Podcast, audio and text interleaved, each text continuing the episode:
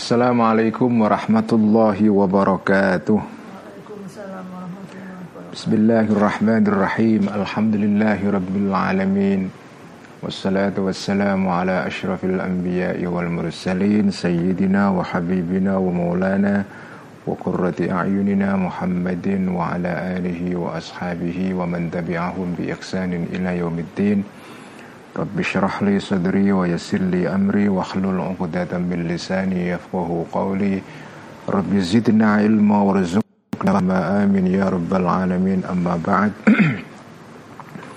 Teman-teman semua mari kita ngaji kitab Ihya seperti biasa pada malam Jumat. Dan sebagaimana biasa mari kita mulai dengan menghadiahkan Al-Fatihah pertama kepada junjungan kita Nabi besar Muhammad Sallallahu Alaihi Wasallam kepada keluarganya, sahabatnya, para tabiin dan tabiut tabiin kepada para al-immatil mustahidin kepada para wali-wali terutama kepada Sultanul Aulia Syamtul Qadir Al-Zailani dan para wali-wali yang menyebarkan agama Islam di Jawa terutama wali dan di Nusantara ya terutama kepada Wali Songo. Dan kita hadiahkan Al-Fatihah kepada muallif kitab Ihya Hujjatul Islam Abi Hamid Al-Ghazali Qaddasallahu sirrah wa nawwara dhurrihah wa adana barakatih wa nafa'ana bi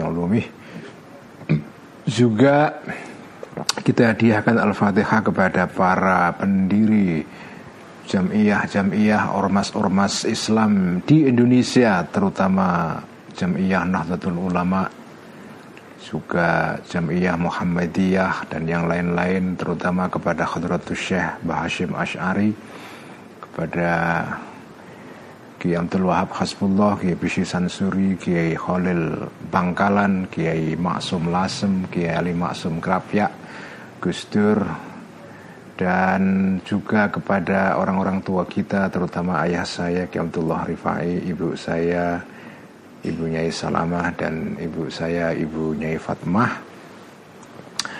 Dan kita hadiahkan Al-Fatihah malam ini sebagai tawasul kita kepada Allah untuk kesembuhan saudara-saudara kita, teman-teman kita yang sedang menderita penyakit terutama karena Covid ya hari-hari ini. Dan terutama saya minta hadiah Al-Fatihah untuk kesembuhan adiknya Mbak Admin, adik ipar saya yaitu Mbak Kausar Usmut dan putranya dan juga keponak ada keponakan juga keponakan dari Mbak Admin yang juga lagi positif terkena COVID hari-hari ini.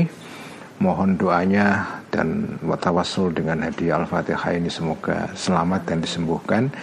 Dan juga Mari kita bacakan Al-Fatihah ini tawasul kita kepada Allah juga tawasul melalui Imam Ghazali dan ngaji Ikhya ini supaya kita semua diselamatkan dari pandemi ini ya. Lahum jami'an al-fatihah. A'udhu billahi minasyaitanir rajim Bismillahirrahmanirrahim. Alhamdulillahi rabbil alamin. Ar-Rahmanir Rahim Maliki yawmiddin. Iyaka na'budu wa iyaka nasta'in. Ihdinas siratal mustaqim صراط الذين أنعمت عليهم غير المغضوب عليهم ولا الضالين آمين بسم الله الرحمن الرحيم قال المؤلف رحمه الله تعالى ونفعنا به وبعلمه في الدارين آمين ربي يسر وأعين كتاب إحياء edisi Darul Minhaj halaman 543 jilid kelima Bayanu kafaratil ghibati Ini kita masih bicara soal ghibah ya Soal ngerasani orang bayanu. Ah kalau kita sudah hibah ya. Kalau kita sudah hibah ngerasani orang bagaimana cara kita untuk menebus dosa yang sudah kita lakukan? Karena hibah itu dosa haram ya. Nah, sekarang kita bicara mengenai kafarotnya ya. Kafaroh itu artinya adalah tebusannya. Uh, dalam bahasa Inggris biasanya diterjemahkan sebagai uh, expiation ya. Expiation ya itu artinya kifarat dalam bahasa pondoknya itu kifarat atau kafarah tebusan. Ini adalah keterangan tentang bagaimana menebus dosanya ghibah I'lam ketahuilah I'lam ketahuilah Ini ngaji ini sekarang ada Ada space-nya Ada clubhouse-nya. Walah ini kayak mengaji zaman digital ini memang ya udahlah ini anu ya kita memanfaatkan teknologi digital untuk menyebarkan ilmu dalam khazanah Islam. Ini ilmunya Imam Ghazali ini ya. Jadi ini ini wasilah ya. Semoga ilmunya Imam Ghazali bisa tersebar lebih luas lagi ya. Jadi ini ada Facebook, ada Space, ada Clubhouse ya. Yang di Clubhouse baru malam ini ini ya. Ya, ini juga masih coba-coba ini Semoga hasilnya juga baik sebagaimana space ya. Eh, selamat datang kepada teman-teman yang di Clubhouse yang ikut ngaji Ihya malam ini. Ini pertama kali ya. Ini kitab karya Imam Ghazali, imam besar Islam yang hidup pada abad 11 Masehi. Kita lagi bicara soal uh, tema kita, tema besar kita dalam beberapa bulan terakhir ini adalah tentang kitab Afatil Lisan ya. Kitab mengenai penyakit-penyakit komunikasi Nah, ini penyakit komunikasi ini. Tapi ini penyakit batin rohani bukan penyakit komunikasi dalam pengertian filosof Jerman apa uh, Jürgen Habermas ya. uh, ini penyakit-penyakit lisan komunikasi. Nah, salah satunya itu ngerasani orang. Ngerasani orang itu adalah sebentuk anti komunikasi sebetulnya. Jadi komunikasi yang menimbulkan dampak negatif pada masyarakat itu namanya anti komunikasi ya. Nah, hibah itu anti komunikasi. Karena hibah itu membuat komunikasi jadi buruk dalam masyarakat itu ya. Nah, sekarang kita bicara soal bagaimana kalau kita sudah hibah, terjatuh dalam hibah ini apa uh, tebusannya supaya kita terbebas dari dosa hibah ini. Ya, alam ketahuilah annal wajibah sesungguhnya yang wajib alal muhtabi kepada atau atas orang yang kerasani orang lain, yang hibai orang lain ya. Uh, aniyandama untuk uh, apa kewajiban pertama dia setelah kamu ngerasani orang adalah pertama yang harus kamu lakukan adalah aniyandama untuk merasa ke, apa merasa untuk merasa uh, getun atau apa ya menyesal ya al muhtab ini wayatuba dan bertaubat. Jadi jadi jadi saya kan sudah mengatakan berkali-kali ya Hibah itu susah dihindari. Saya juga susah menghindari itu. Susah banget. Begitu kita Ini kan Begitu kita ditelepon oleh temen ya Teman akrab itu ya Udah itu pasti Ada aja hibah itu ya Apalagi ketemu langsung ya karena memang per, per, percakapan itu itu akan menjadi enak kalau ngomongin orang. Asik banget ngomongin orang itu. Nah, hibah itu definisinya apa? Ngomongin orang jelek yang kalau orang itu dengar dia akan sakit hati. Itu namanya hibah. Nah, oke okay, memang susah ya. Saya sendiri juga nggak bisa menghindari sama sekali. Tapi minimal, ini minimal. Nah, ini ini pentingnya di sini ya. Minimal kalau jenengan sudah pernah ngasih ihya, itu tahu hibah ini jelek kita tahu ini dosa bahkan dosa yang ancamannya besar sekali ya nah setelah kita tahu ini dosa begitu kita hibah ya itu kita langsung sadar oh ini salah minimal kalau salah itu pertama menyesal ya kedua taubat ya. Ketiga adalah kalaupun tidak bisa stop total minimal itu ya dikendalikan lah. Kalau kalau tidak pernah ngaji ya itu hibah gaspol ya. 10 gitu. Ya kalau mobil misalnya giginya 6 itu gaspol sampai 6 giginya. Ya kalau sudah pernah ngasih ya ya diturunkan giginya jadi 5 atau atau 4 atau 3 atau syukur-syukur malah bisa nol sama sekali. Ya, tapi itu susah ya. Jadi pertama adalah merasa menyesal dan bertaubat wa dan merasa merasa apa menyesal juga alama fa'alahu terhadap hal yang dikerjakan ini ya. Orang yang terhadap hal yang dikerjakan oleh orang ini. Liyahruja supaya keluar orang ini setelah penyesalan ini tujuannya apa? Liyahruja supaya keluar al muhtab ini bihi dengan penyesalannya tadi ini min hakillahi subhanahu wa taala dari uh, haknya Allah subhanahu wa taala. Urusan dengan Tuhan itu minimal kalau kita menyesal itu beres. Karena ini kan dosa, ini kan melanggar aturannya Allah itu. Begitu menyesal taubat itu minimal dimensi vertikalnya itu sudah diselesaikan. Ya itu pertama. Nah kalau sudah dimensi vertikal sudah dibereskan sekarang dimensi horizontalnya lah kemudian minta halal minta maaf ya. Al seorang muhtab tadi itu al muhtaba kepada orang yang dihibai jadi kata muhtab ini maknanya bisa dua ini uniknya bahasa Arab itu. Jadi ini satu kata, tapi maknanya berdua dan berbeda, kontras ya. Al-muhtab itu artinya orang yang melakukan tindakan hibah, juga orang yang menjadi sasaran hibah. Ya. Ini kalau yang belajar ilmu morfologi dalam bahasa Arab atau sorof ya, paham bedanya al-muhtab yang maknanya pelaku hibah dengan objek hibah itu ada bedanya. Bedanya adalah kalau di di, di apa diurut apa diusut asal usulnya. Jadi kalau al-muhtab dalam pengertian orang yang melakukan hibah itu sebetulnya asalnya kata ini itu al-muhtayibu ya. ya al-muhtayibu. Tetapi kalau hibah itu artinya orang yang menjadi sasaran hibah asal usulnya itu al muhtayabu nah kata muhtayibu muhtayabu dalam bahasa Arab itu secara morfologi bahasa Arab itu ndak ndak ndak sesuai kaidah jadi harus diubah lalu diubah yaknya menjadi alif. Nah karena yaknya menjadi alif terus kembar. Dua-duanya menjadi muhtabun. Tapi kalau diurut dari segi asal usulnya sebetulnya beda. Muhtayibun dengan muhtayabun dua-duanya jadi muhtabun ya.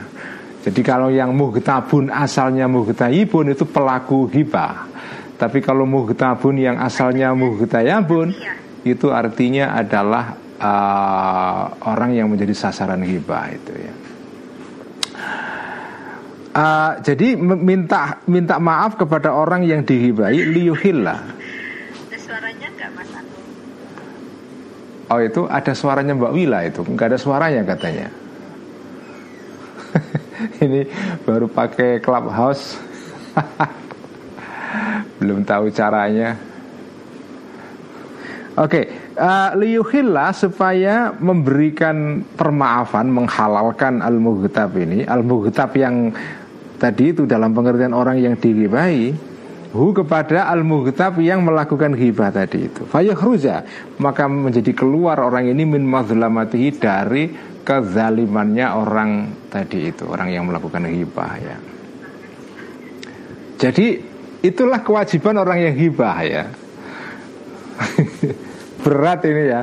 Habis hibah kok minta maaf kepada orang yang dihibah itu gimana itu ya? Ya tapi begitulah. Ini ajaran agama ya kalau kita mampu melakukan monggo. Ya. Uh, tapi ini berat ya. Habis ngerasani orang terus sowan ke orang itu terus minta maaf itu pasti berat sekali itu. Berat sekali itu. Apalagi kalau hibahnya tiap hari. Waduh itu yang digibai banyak banget ya. Ada orang yang digibai yang digibai ini tokoh besar yang nggak mungkin kita sewani. Apalagi zaman pandemi kayak begini jadi repot. Makanya hati-hati hibah di zaman pandemi ini karena minta maaf kepada yang dihibahi susah ya, karena lagi lagi social distancing sekarang. Mau nelpon nggak punya nomornya? Gimana coba? Mau telepon nggak punya nomornya? Jadi gimana meminta maaf kepada yang dihibahi susah ya. Ya tapi minimal kalau menurut saya ya kalau menurut saya memang ajaran kitab Ihya ini ini ajaran moral yang memang kelas tinggi sekali. Jadi kalaupun kita nggak bisa mencapai sampai ke level ini ya minimal itu ya separuhnya, sepertiganya, seperempatnya, sepersepuluhnya nggak masalah. Jadi tadi itu jadi jadi nggak usah merasa kecil hati karena oh ini kok berat sekali jadi orang Muslim ya. Ya memang berat, memang berat ya.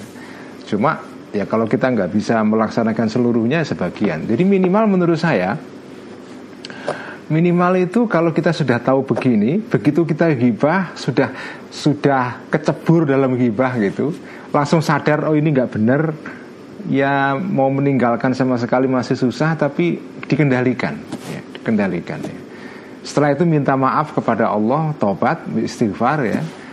Nah kalau bisa minta maaf kepada yang digibai, kalau nggak bisa ya ya sudah ya resiko kita memang.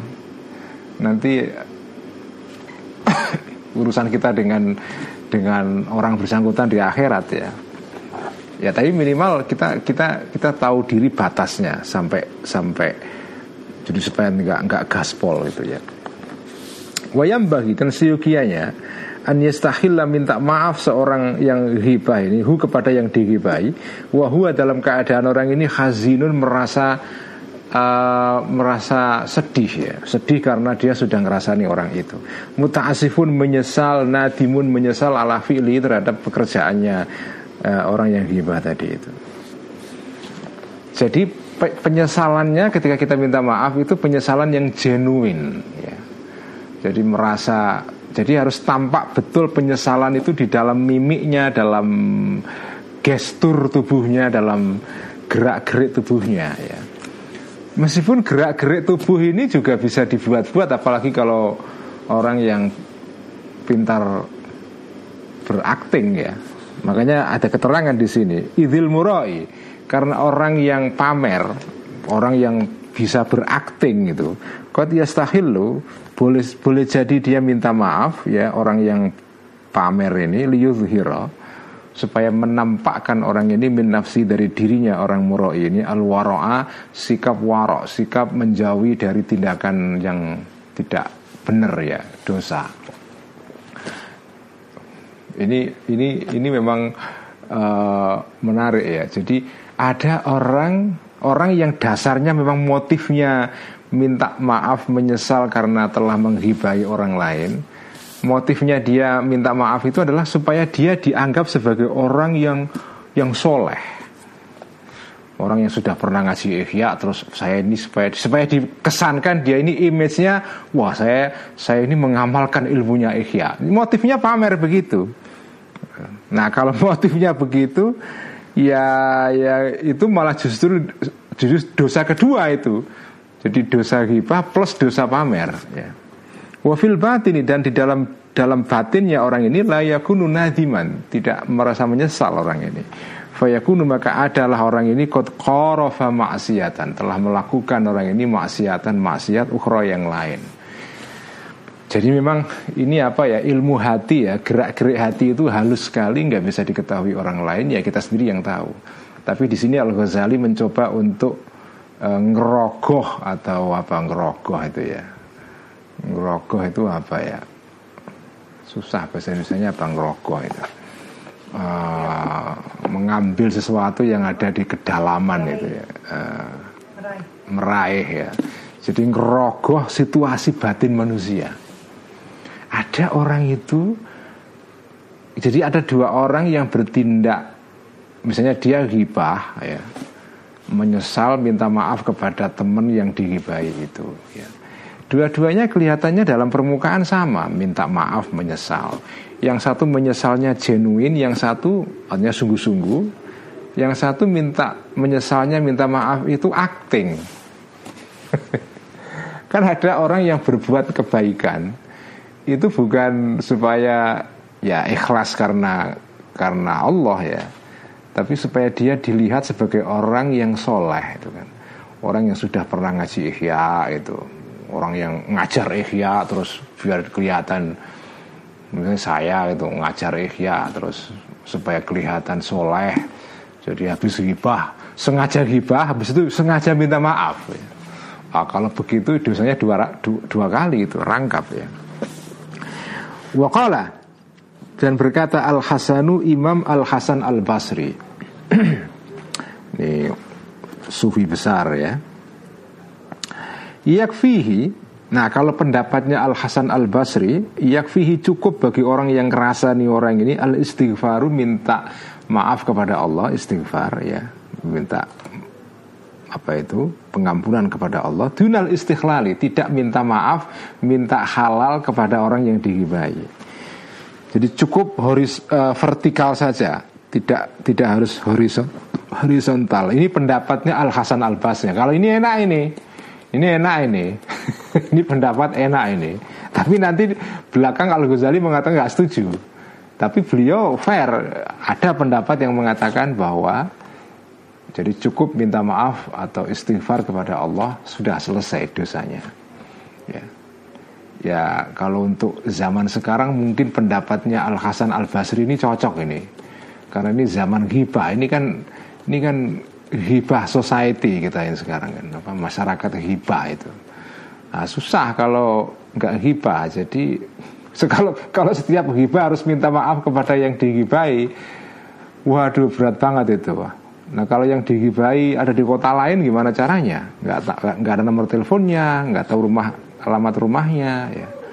Nah berat. Nah mungkin dalam situasi sekarang ini pendapatnya Al Hasan Al Basri ini cocok ini.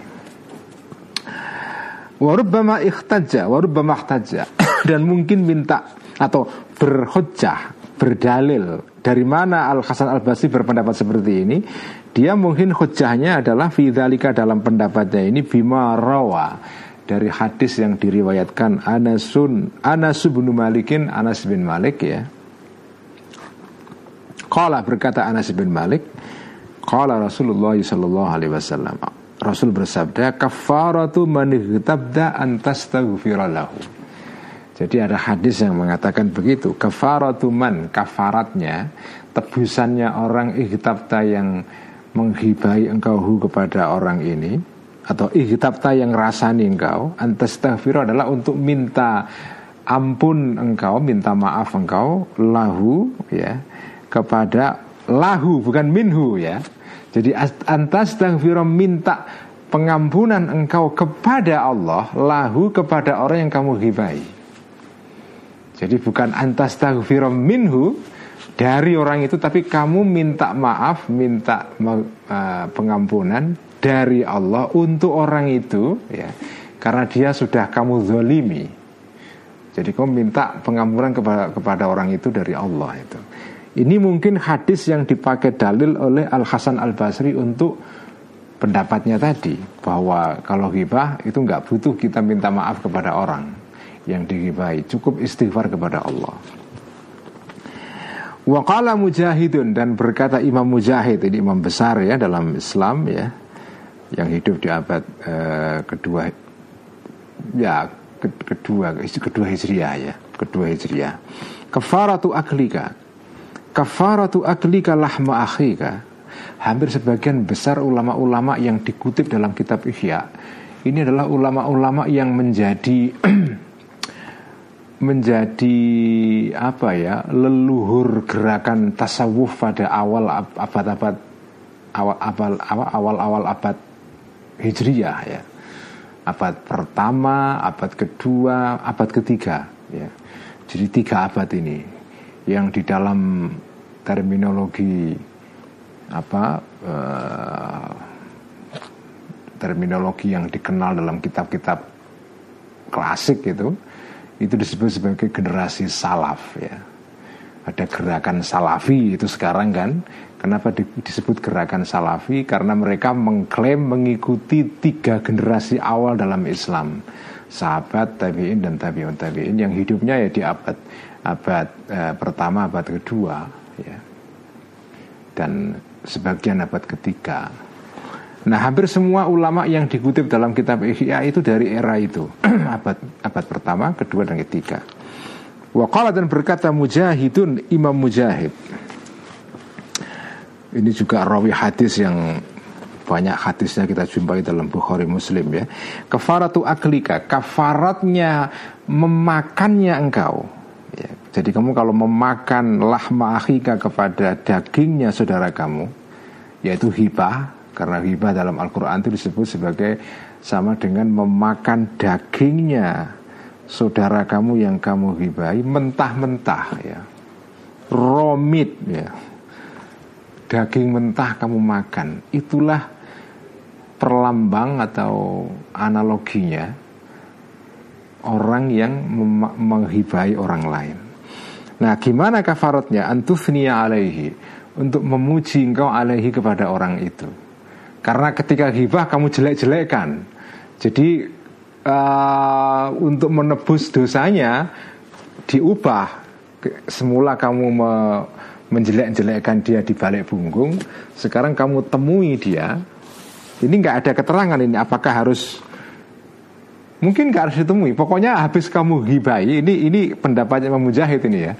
Jadi kamu kalau habis menghibai orang, menghibai artinya menjelek-jelekkan orang itu, habis itu uh, tebusan dosanya adalah kamu me, memuji orang itu. Kalau semula kamu bukan mengkritik ya, kadang kritik itu tidak ya mungkin bisa kritik juga ya. Jadi semula kamu kritik orang itu, kemudian kamu puji. Nah, puji.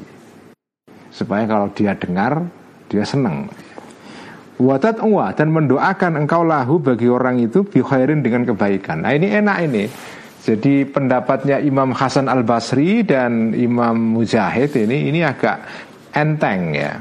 Karena nggak harus menemui orang itu langsung untuk minta maaf cukup kamu istighfar kepada Allah atau kalau menurut Imam Mujahid setelah kamu gibah setelah kamu jelek-jelekin teman kamu itu kamu puji ya, kamu puji wasilah dan ditanya atau ibnu Abi Rabahin ya. Atau ibn Abi Rabah ini seorang tabiin yang terkenal yang ini seorang mufti di daerah tanah haram di Makkah ya. Ini seorang tabi'in yang juga yang dianggap sebagai salah satu min fuqaha tabi'in ya. Tabi'in yang yang ahli fikih dan sering memberikan fatwa dan lahir pada masa kekhilafahannya Sayyidina Utsman. Um, jadi apa ya dan dia dikenal sebagai muftil haram ya ahli ahli yang orang yang ahli fatwa tapi tinggal di tanah haram. Nah, suatu saat ditanya apa bin Abi Rabah ini anit taubati dari taubah. Bagaimana caranya taubat minal firyati dari uh, melakukan kebohongan terhadap orang lain, yaitu ya hibah ya sebetulnya. Kalau berkata Atta ibn Abi Rabah antam Jadi kalau kamu menyebarkan hoax atau fitnah terhadap orang lain, bagaimana cara kita menebus dosanya? Antam syia untuk sowan engkau berjalan engkau ila sahibika kepada teman kamu yang kamu kamu fitnah itu fatakula maka mengatakan engkau kadzibtu fima qultu. Nah, ini nah ini agak berat ini ya. Karena harus harus nemui orangnya dan ketika ketemu kamu mengatakan kadzib tuh bohong aku fima kultu di dalam apa yang aku aku katakan itu. Wa tuh dan sudah berbuat zalim aku, wa asa'tu dan berbuat jelek aku, fa in syi'ta. Jika ingin engkau ya akhadta fi haqqika bisa mengambil engkau fi terhadap hakmu. Kalau kamu tidak apa ya, tidak rela karena aku fitnah, ya kamu berhak untuk mengambil hakmu. Ya. Wa in syi'ta dan jika ingin engkau afauta memaafkan engkau. Kamu bisa membalas kembali ya. Membalas ya membalas dengan dengan fitnah yang serupa ya. Atau minta maaf atau kamu memaafkan saya ya. kalaupun kau membalas aku dengan menyebarkan fitnah mengenai aku aku juga nggak apa-apa karena aku sudah memfitnah kamu, kau fitnah balik aku, ya nggak soal. Tapi kalau kau memaafkan aku ya lebih baik ya. Jadi kamu harus mendatangi orang itu. Nah ini kalau pendapat uh, Atta bin Ibn Rabah ini, Ibn Abi Rabah ini, ini agak berat ini. Karena harus menemui orangnya. Tapi kalau Al Hasan Al Basri Mujahid enteng tadi ya. Nah, menurut Imam Ghazali wahada dan pendapatnya Atta bin Nabi Rabah ini al asahu yang yang lebih lebih lebih kuat ya. Lebih kuat. Jadi Imam Ghazali memilih pen, jadi ada dua pendapat soal bagaimana menebus dosanya ghibah ya. Yang pertama enteng yaitu sekedar istighfar kepada Allah selesai. Ya, itu pendapatnya Al Hasan Al Basri dan Mujahid. Pendapat kedua, kamu harus minta maaf kepada orang bersangkutan dan menemui langsung. Itu pendapatnya Atta ibn Abi Rabah. Dan ini yang dipilih oleh Al-Ghazali ya. Wa qaili dan pendapatnya seorang yang berpendapat ya. Ada yang berpendapat yaitu pendapatnya pertama, pertama tadi itu al-irdu la iwadalahu. Al-irdu Al-irdu uh, harga diri seseorang la iwadha. Tidak ada tidak ada ganti, tidak ada apa itu ganti rugi ya lahu bagi harga diri. Ada yang berpendapat bahwa me, me, apa ya melukai harga diri orang dengan cara menghibai orang itu itu tidak tidak ada implikasi, tidak ada akibat yaitu harus membayar. Ya harus ada apa itu? Ya ganti rugi. Nggak nggak harus nggak, nggak harus ada ganti rugi. Ganti rugi berupa apa? Berupa harta ya. Jadi tadi orang yang kamu gibai kalau nggak rela dia minta misalnya aku mau mem memaafkan kamu tapi kamu harus bayar saya. Sekian ya tergantung sekian ratus ribu sekian juta. Kalau kalau fitnahnya besar misalnya ya kayak inilah kayak kalau dalam pengadilan ya kayak pencemaran nama baik kan. Ada ya ada ada ganti rugi yang bersifat moneter ya bersifat uang ya. Nah itu boleh. Nah tapi menurut pendapat ini ada yang mengatakan harga diri kalau di, di, dilukai itu tidak ada ganti ruginya karena itu falaya jibu maka tidak wajib al istighlalu minta maaf minhu dari uh, al air tadi dari dari harga diri itu. Bihilafil mali berbeda jika itu terkait dengan kasus harta. Kalau dengan nyolong hartanya orang lain, ya sampai harus ganti rugi. Tapi kalau sekedar men, me, me, apa, melukai harga diri orang, ya itu tidak tidak tidak menimbulkan uh, keharusan untuk membayar ganti rugi. Nah pendapatnya orang yang mengatakan bini Yang mengatakan begini nih Kalamun dhaifun adalah pendapat yang lemah ini. Jadi Al-Ghazali nggak setuju itu. Karena dalilnya Kenapa lemah? Idqat wajaba. Karena e, telah wajib Atau tetap ya Fil irdi di dalam Dalam harga diri yang dilukai. Haddul qadhafi ya, uh, Had atau hukuman hukuman khazaf yaitu hukuman menuduh orang lain melakukan zina. Di dalam fikih dalam hukum Islam kalau ada orang menuduh orang lain berbuat zina ya dan tidak terbukti itu kan sama dengan melukai harga diri orang lain. Itu ada ganti ruginya, ada ada hukumannya. Jadi kalau ada yang berpendapat orang melukai harga diri orang lain tidak harus dihukum tidak harus ganti tidak harus membayar ganti rugi itu itu lemah. Karena ada contohnya orang menuduh orang lain zina tidak benar itu ya harus dihukum. Watas butuh dan dan dan terjadi al mutalabatu menuntut bihi terhadap uh, al terhadap harga diri yang dilukai tadi itu Bal fil hadis uh, sahihi. Bahkan dalam hadis yang sahih ya, ma ada hadis ruya yang dikisahkan hadis ini atau yang dikisahkan annau sesungguhnya Kanjeng Nabi Shallallahu Alaihi Wasallam Kala bersabda Kanjeng Nabi Man kanat li akhihi indahu madlamatun fi irdin aw malin Faliyatahallalhu minhu min qabli an yaumun Laisa hunaka dinarun wala dirhamun ya.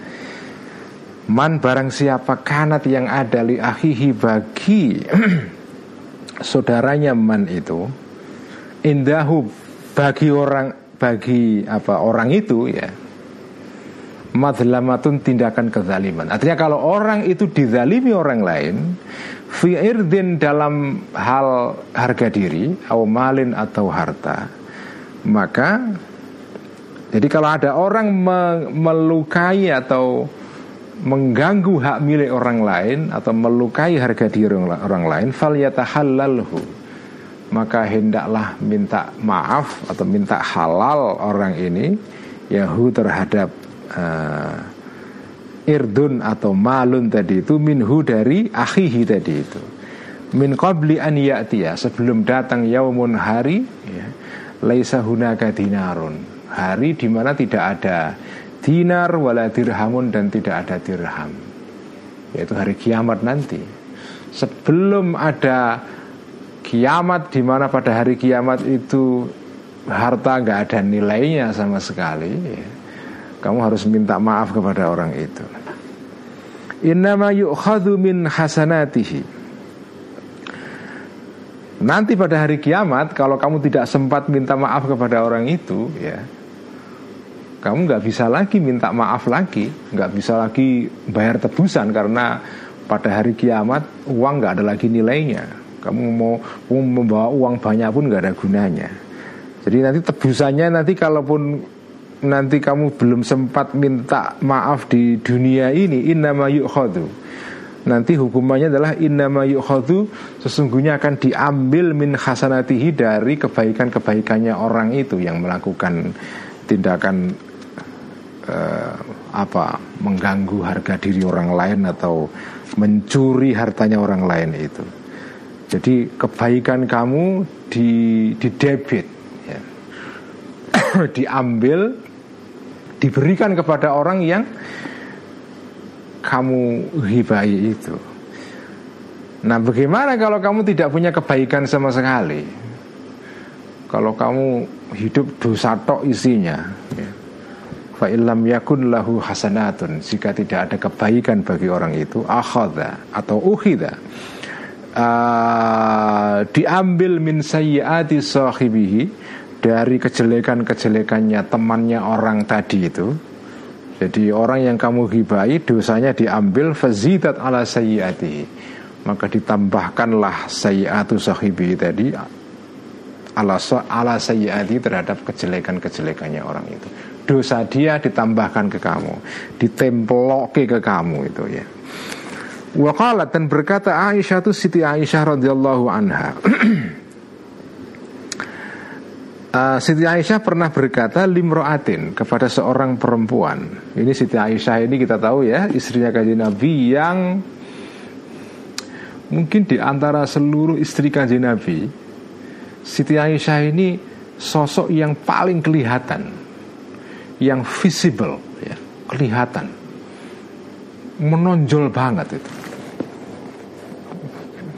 Ya pertama memang ini istri yang paling kinasih Yang paling dicintai kanji Nabi Setelah Siti Khadijah ya.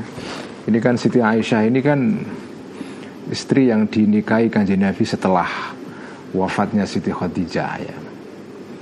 Dan memang istri yang paling dicintai kanji Nabi setelah Khadijah. Dan nah ini yang paling penting Siti Aisyah ini adalah Mungkin istrinya kanji Nabi yang paling banyak meriwayatkan hadis dengan kata lain, inilah sosok perempuan di antara istri-istri kajian Nabi yang paling banyak memproduksi pengetahuan. Makanya kalau jenengan baca hadis ya, itu hadis yang yang diriwayatkan oleh Siti Aisyah itu banyak banget. Ini bagi teman-teman yang yang suka mengkaji Islam dan gender ya, ini ini sosok penting ini. Ya, ini sosok penting banget. Dan saya suka banget Siti Aisyah ini ya karena karena perannya menonjol sekali. Ini pribadi yang yang powerful, ya, yang kuat sekali, kelihatan banget. Jadi hadisnya banyak, terutama hadis-hadis yang terkait dengan kehidupan privatnya kanjeng Nabi, kehidupan personalnya. Karena kan ya orang lain nggak punya akses terhadap kehidupan pribadinya kanjeng Nabi. Apa yang dilakukan kanjeng Nabi pada saat malam hari, pada saat orang lain tidak ada di samping kanjeng Nabi di rumah bagaimana cara dia menggauli istrinya ya. bagaimana kalau ibadah pada malam hari apa yang dilakukan kanjeng Nabi kalau dalam situasi begini begitu di rumah itu kan orang lain nggak tahu nah semua informasi mengenai kanjeng Nabi dalam hal kehidupan privatnya kanjeng Nabi itu sebagian besar adalah riwayat Siti Aisyah. Dan bukan hanya itu, Siti Aisyah ini juga menjadi tempat bertanya para sahabat. Ya. Jadi ini ini seorang kalau sekarang ya apa ulama perempuan kira-kira gitu ya ulama perempuan itu nah Siti Aisyah pernah berkata limroatin kepada seorang perempuan qalat li ukhra yang mengatakan seorang perempuan ini li ukhra kepada perempuan yang lain ya. Innaha tawilatu zaili ya. perempuan ini tawilatu zaili adalah panjang ekornya. Maksudnya ekornya itu bajunya itu sampai seruk tanah saking panjangnya kayak penganten itu loh ya kayak baju gaun penganten ala ala Eropa itu kan ya. Jadi oh, perempuan itu panjang ekornya. Itu maksudnya apa? Sombong ya. Apa kalau bahasa sekarangnya itu? Som somse apa? Sombong sekali itu somse ya. Jadi uh, maksudnya panjang ekornya itu sombong ya. nah ini jadi ada perempuan mengatakan kepada perempuan yang lain ya tidak di depan di depan tidak di depan perempuan itu tapi di balik punggungnya ya. Inna hatawilatu zaidi. Nah kemudian Siti Aisyah langsung langsung apa ya uh, ngingetin kepada perempuan itu kodih tabtiha sudah menghibai engkau pada perempuan tadi itu ya. karena itu fastahilliha maka mintalah maaf engkau ha kepada perempuan yang kamu gibai itu. Sekedar hanya mengatakan oh, sombong banget sih perempuan itu gitu. Faidan karena itulah la buddha tidak boleh tidak minal istikhlali dari minta maaf ya in qadara alaihi jika mampu seseorang ini alaihi terhadap istikhlal. Nah, kalau orangnya nggak ada gimana? Fa'ingkana ghaiban. Jika ada orang yang kamu hibai ghaiban tidak ada. Ya, Artinya Tidak dekat rumah kamu Tidak mungkin kamu jangkau Atau kamu nggak punya nomor WA-nya nggak tahu alamat rumahnya Atau maitan ya. Atau dia sudah apa itu mati ya. Gimana? Kamu hibai orang yang tidak mungkin kamu jangkau orang itu. Dia nggak ada di depan kamu atau alamatnya susah kamu cari itu. Maka fayam bagi maka seyogyanya an yuksiro untuk memperbanyak orang ini lahu bagi orang yang kamu gibai ini al istighfar minta ampunan kepada Allah wa du'a dan mendoakan wa yuksiro dan memperbanyak orang ini minal hasanati untuk berbuat kebaikan-kebaikan. Nah itulah cara cara kita menebus dosa hibah ya begitu ya Fa'ingkulta Maka jika bertanya engkau Fatahlilu hal yajibu? Jadi tadi kan Menurut pendapat Imam Ghazali Di antara dua pendapat tadi itu Yang beliau pilih adalah Kamu harus minta maaf Menemui langsung orang yang kamu hibai Nah sekarang kalau ada orang dimintai maaf ya, Oleh temannya Yang sudah menghibai dia itu fal fatahlilu kalau kamu nanya fatahlilu apakah memberikan maaf ya? Hal yajibu apakah wajib? Kalau kau dimintai maaf gara-gara dihibai teman kamu wajib nggak kita memaafkan orang itu? Fa aku lu maka menjawab aku lah enggak enggak enggak harus ya. Kamu boleh memaafkan boleh tidak. Li'annahu karena sesungguhnya tahlil itu tabarruun adalah sedekah ya memberikan maaf kepada orang lain itu tindakan sukarela. Ya, tidak harus itu. Tapi tapi ya memaafkan lebih baik, tapi tidak harus ya. Itu adalah kedermawanan tabarro ya. Itu tindakan yang itu charity, kedermawanan itu. Wat dan dan tabarro tindakan kedermawanan itu fadlun adalah tindakan kebaikan atau keunggulan.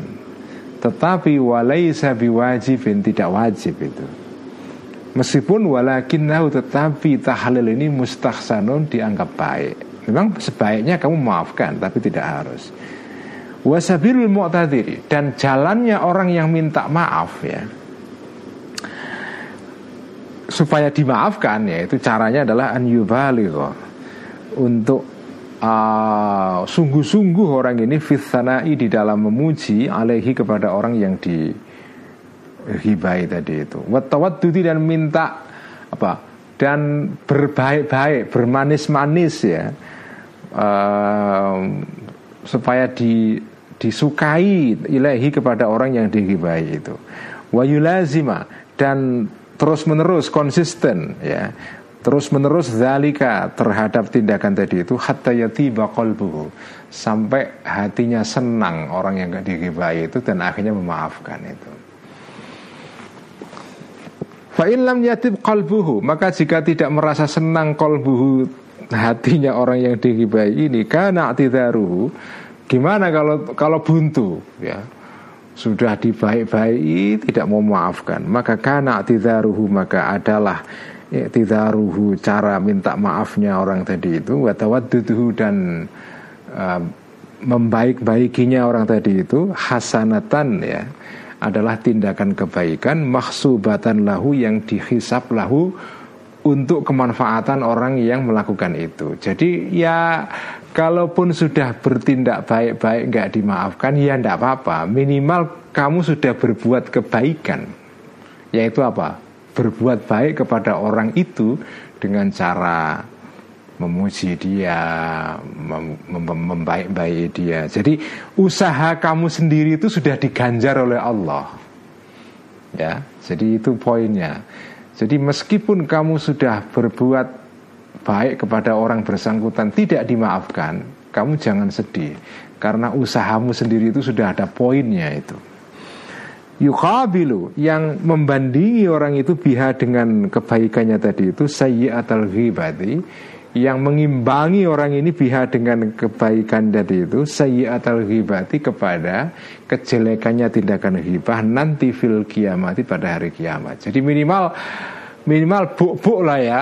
Jadi ghibahnya dosa uh, diimbangi dosa itu dengan perbuatan baik kepada orang yang digibahi itu meskipun ujungnya dia nggak berhasil dimaafkan tapi nggak apa-apa yang penting seimbang yang penting draw seri itu ya Wakana dan ada ba'du salafi sebagian para orang-orang salaf generasi awal Islam ya. La yuhallilu tidak mau memaafkan orang ini. ini ini kisah menarik. Ini Kala berkata, Sa'id bin Musayyibi bisa dibaca Sa'id. Ada yang membaca Sa'id bin Musayyibi, ada yang membaca Sa'id bin Musayyibi. Sa'id bin Musayyab ya. ini ulama terkenal ya.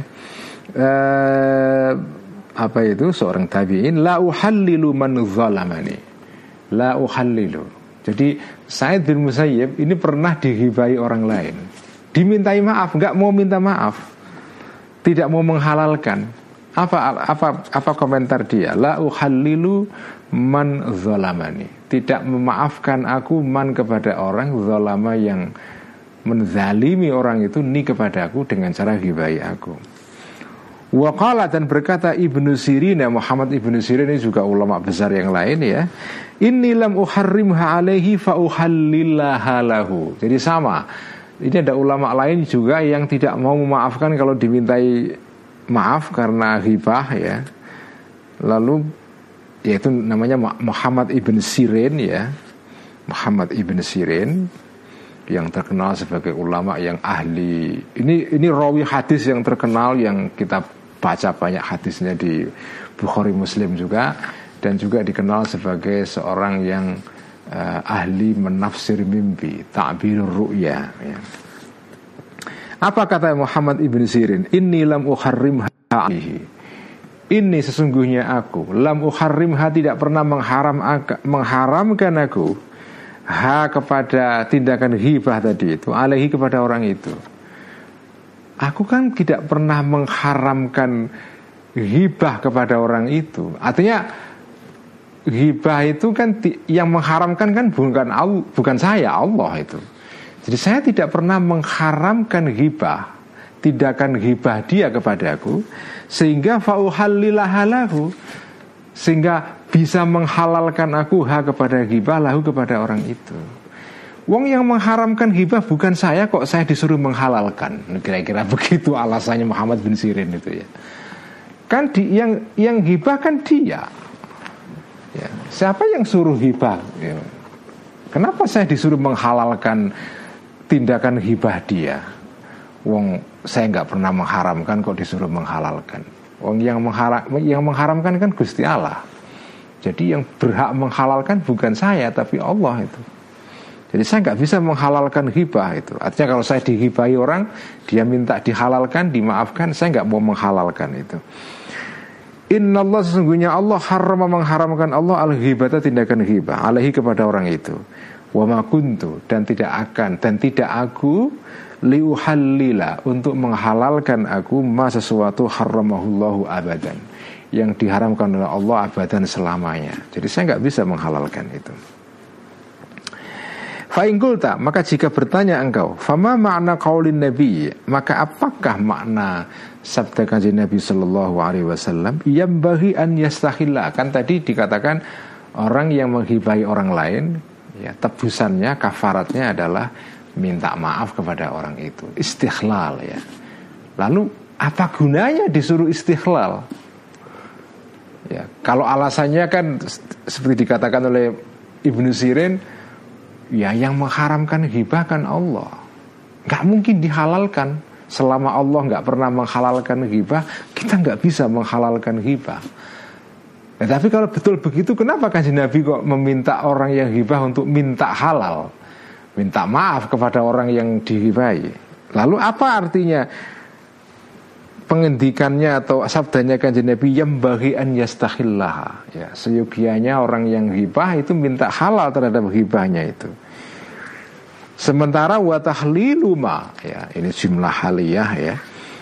Aiwal halu tahlilu ma.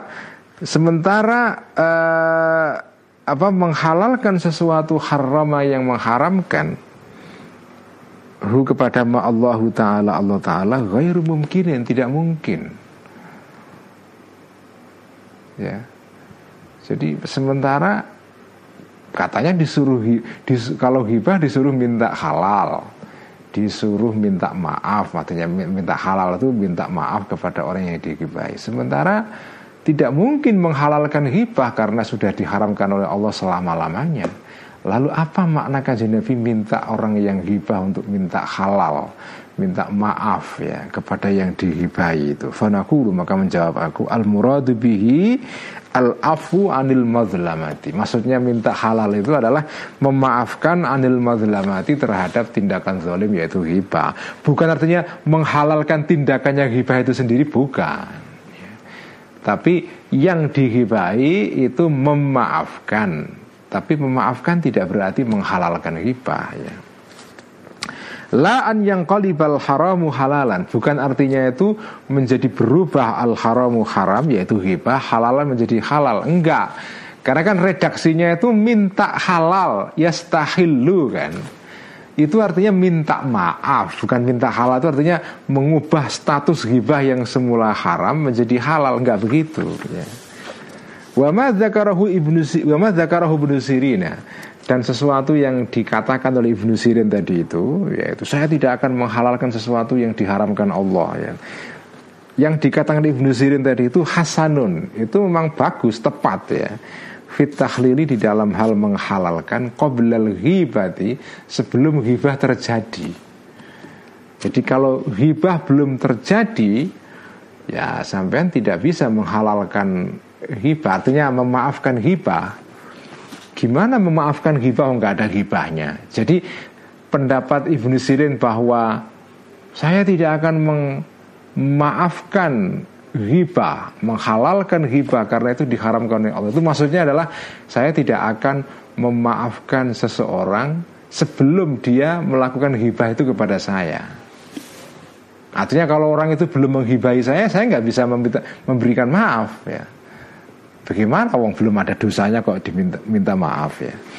Fa innahu la yajuzu lahu karena sesungguhnya seseorang la yajuzu lahu tidak boleh bagi orang itu an yuhallila ya tidak bisa menghalalkan orang ini lighairi kepada selain orang itu al ghibata ghibah enggak bisa itu ya. Fa'ingkulta Maka jika bertanya engkau Fama makna qaulin Nabi? Apa makna sabda kajian Nabi Sallallahu alaihi wasallam? Ayajizu ahadukum an yakuna ka'abi dhamdamin. Ini ada sabda kajian Nabi Hadis yang Yang sebetulnya kalau kita baca Di dalam uh, takhrijnya Ini hadis yang do'if ya. Ayah ajizu ahadukum. Ini sabda kajian Nabi. Ayah ajizu ahadukum. Apakah tidak mampu ahadukum kalian. An yakuna ada kalian ini ke abi dom domin seperti abi dom ya. dom ini identitasnya tidak jelas. Ada yang mengatakan ini sahabat.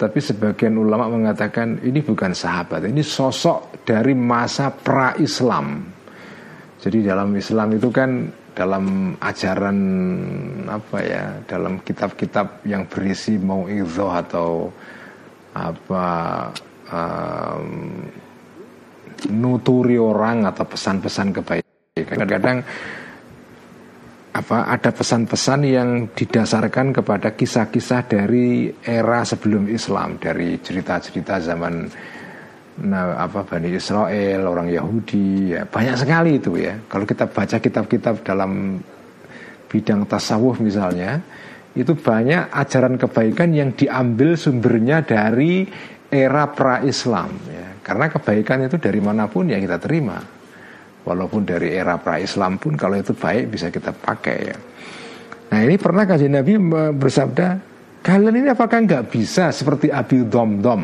ya. Ini tokoh Entah siapa pokoknya tokoh sebelum Islam tapi tokoh baik ya Nah bagaimana Abi Dom-Dom ini perilakunya atau tindakannya? Karena ada Abi Dom-Dom ini Idha kharaja min baiti Jika keluar dari rumahnya Abi Dom-Dom ini Kala dia berkata Setiap keluar rumah ya Abi Dom-Dom Ini namanya unik ya Abi Dom-Dom Abi Dom-Dom. Abi Dom-Dom Abi Domdom ini punya kebiasaan yang unik ya. Setiap dia keluar rumah, kala berkata Abi Domdom, Allahumma inni tasaddaqtu bi'irdi ala nasi. Ya Allah, ini sesungguhnya aku tasaddaqtu, menyedekahkan aku ala nasi, bi'irdi dengan harga diriku ala nasi kepada orang-orang. Ini Abi Domdom ya.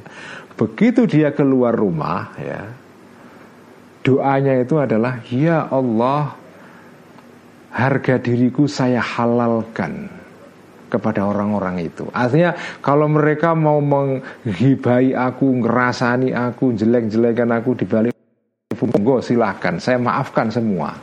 Sebelum terjadi tindakan itu. Ini Abi Dom ini saking baiknya itu.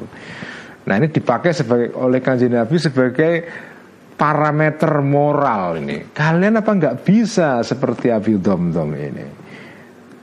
Nah, kalau kamu bertanya kepada aku Al Ghazali, fakaifa?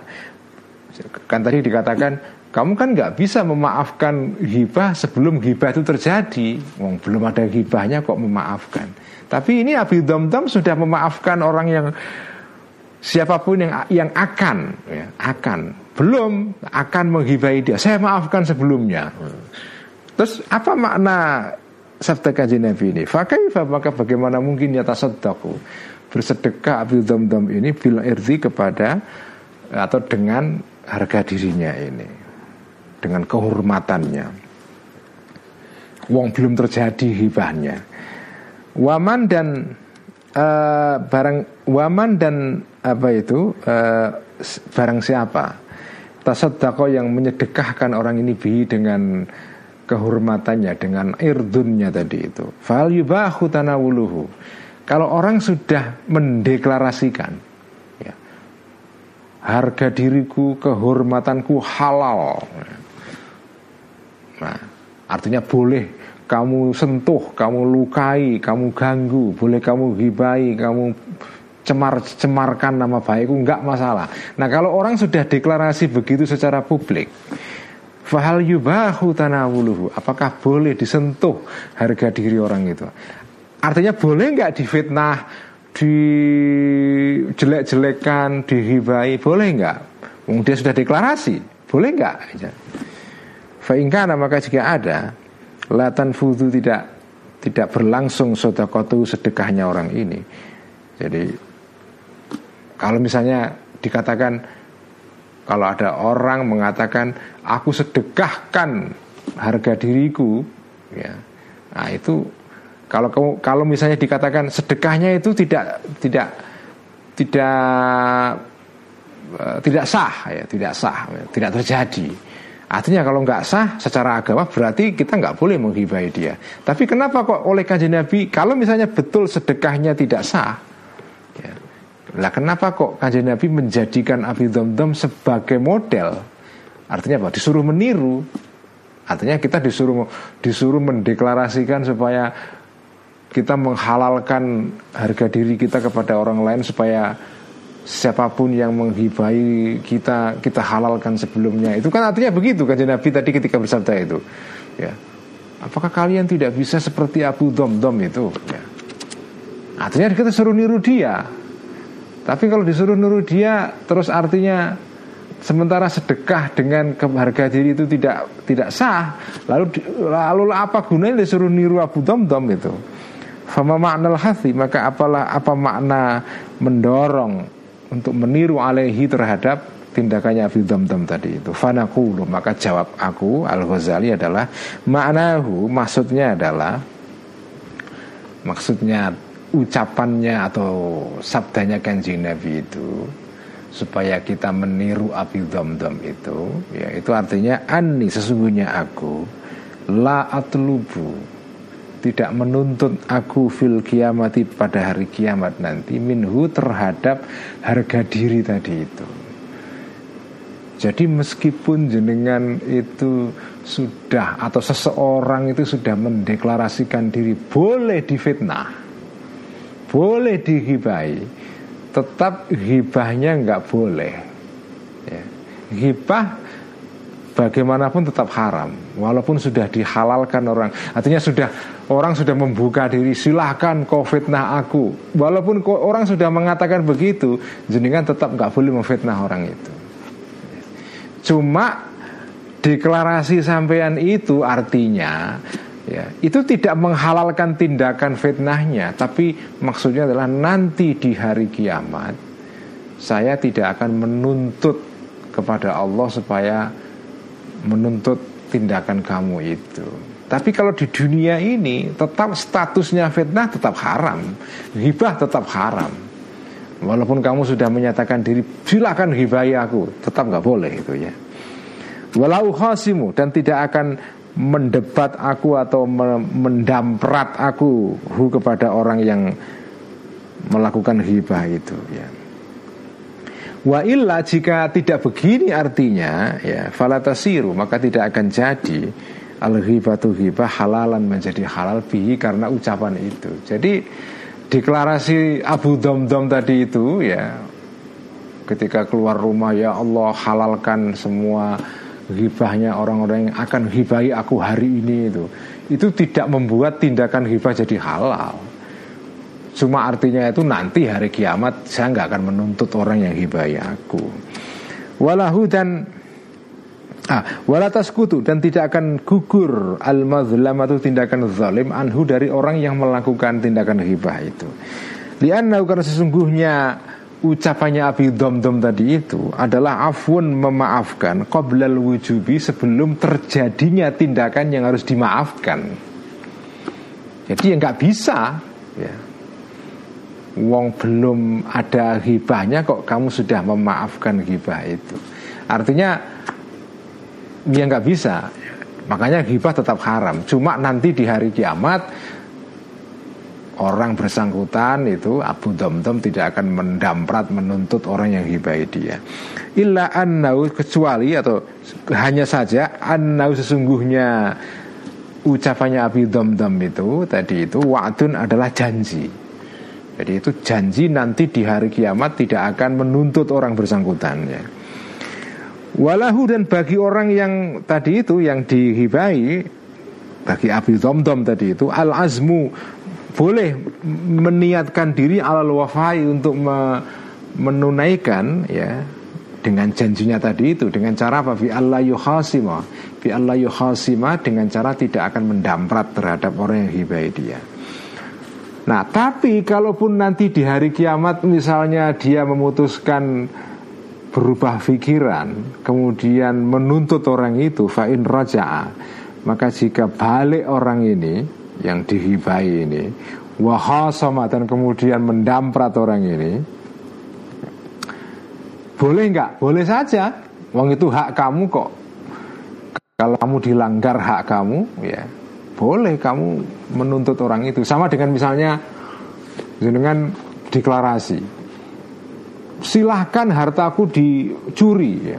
Saya tidak akan sakit hati, tidak akan menuntut, ya. tidak akan menuntut hakku itu ucapan jenengan begitu itu tidak menjadikan tindakan misalnya terus orang mencuri harta sampean tetap dosa. Ya. nah nanti misalnya sampean terus menelan ludah sampean sendiri artinya mencabut ucapan itu terus menuntut balik ke pengadilan ya, semula kan silahkan curi saya nggak akan menuntut tapi tiba-tiba nanti menuntut di pengadilan di dunia ini maksudnya. Itu tidak masalah ya tidak masalah karena itu hak kamu menuntut orang itu karena dia sudah mencuri harta kamu. Jadi karena itu karena ada al kiasu kiasnya ini adalah iril hukuki. Uh, sebagaimana semua hak-hak yang ada pada orang itu annahu sesungguh annalahu sesungguhnya bagi orang yang dihibahi itu zalika tindakan mencabut ucapannya itu boleh ya boleh Apakah ini bohong? Saya nggak tahu ya. Apakah itu kategorinya bohong? Karena kan dia mengatakan semula silahkan curi harta kamu, saya nggak akan menuntut. Tiba-tiba kok akhirnya menuntut juga. Itu bohong nggak? Ya secara lahiriah bohong, tetapi dia punya hak yang dijamin oleh agama untuk menuntut haknya. Ya. Jadi tidak tidak soal itu. Balsarraha bahkan menjelaskan al fuqahau para ahli fikih bi annaman sesungguhnya orang abaha yang membolehkan orang ini al qadhfa untuk dituduh melakukan zina. Kalau ada orang sudah deklarasi misalnya, silahkan sampai menuduh saya saya melakukan zina. Fitnahlah aku dengan melakukan zina. Silahkan ya. Nah ini orang yang seperti ini menurut para ulama fikih lam yaskut tidak gugur hakuhu haknya orang ini. Min hadil qadhfi dari uh, apa itu hadnya tuduhan qadhaf tuduhan zina itu. Jadi kalau jenengan sudah mendeklarasikan silahkan saya boleh difitnah melakukan zina. Itu bukan berarti kalau ada benar-benar orang yang akhirnya menuduh sampean berbuat zina orang itu kemudian lepas dari hukuman. Enggak itu ya tadi itu sama dengan silahkan curi harta saya. Akhirnya ada orang mencuri. Ya tetap saja orang itu harus dituntut di pengadilan ya. Wa madlamatul akhirati dan kezaliman nanti di akhirat itu adalah madlamatid dunia seperti kezaliman di dunia. Artinya sama statusnya. Sebagaimana kezaliman dunia tidak bisa dihalalkan ya. Uh, itu juga nanti di akhirat juga sama. Kezaliman di akhirat itu juga uh, boleh dituntut. Sebagaimana kezaliman di dunia boleh dituntut ya. jadi hak orang yang dizalimi untuk menuntut baik di dunia maupun di akhirat ya. Sekian ngaji ya malam ini. Kita teruskan minggu depan. Mari kita tutup pengajian ini dengan Salawat bil qulub اللهم صل على سيدنا محمد طب القلوب ودوائها وعافية الأبدان وشفائها ونور الأبصار وضيائها وعلى آله وصحبه وسلم. اللهم صل على سيدنا محمد طب القلوب ودوائها وعافية الأبدان وشفائها ونور الأبصار وضيائها وعلى وصحبه وسلم. اللهم صلِّ على سيدنا محمد طب القلوب ودوائها وعافية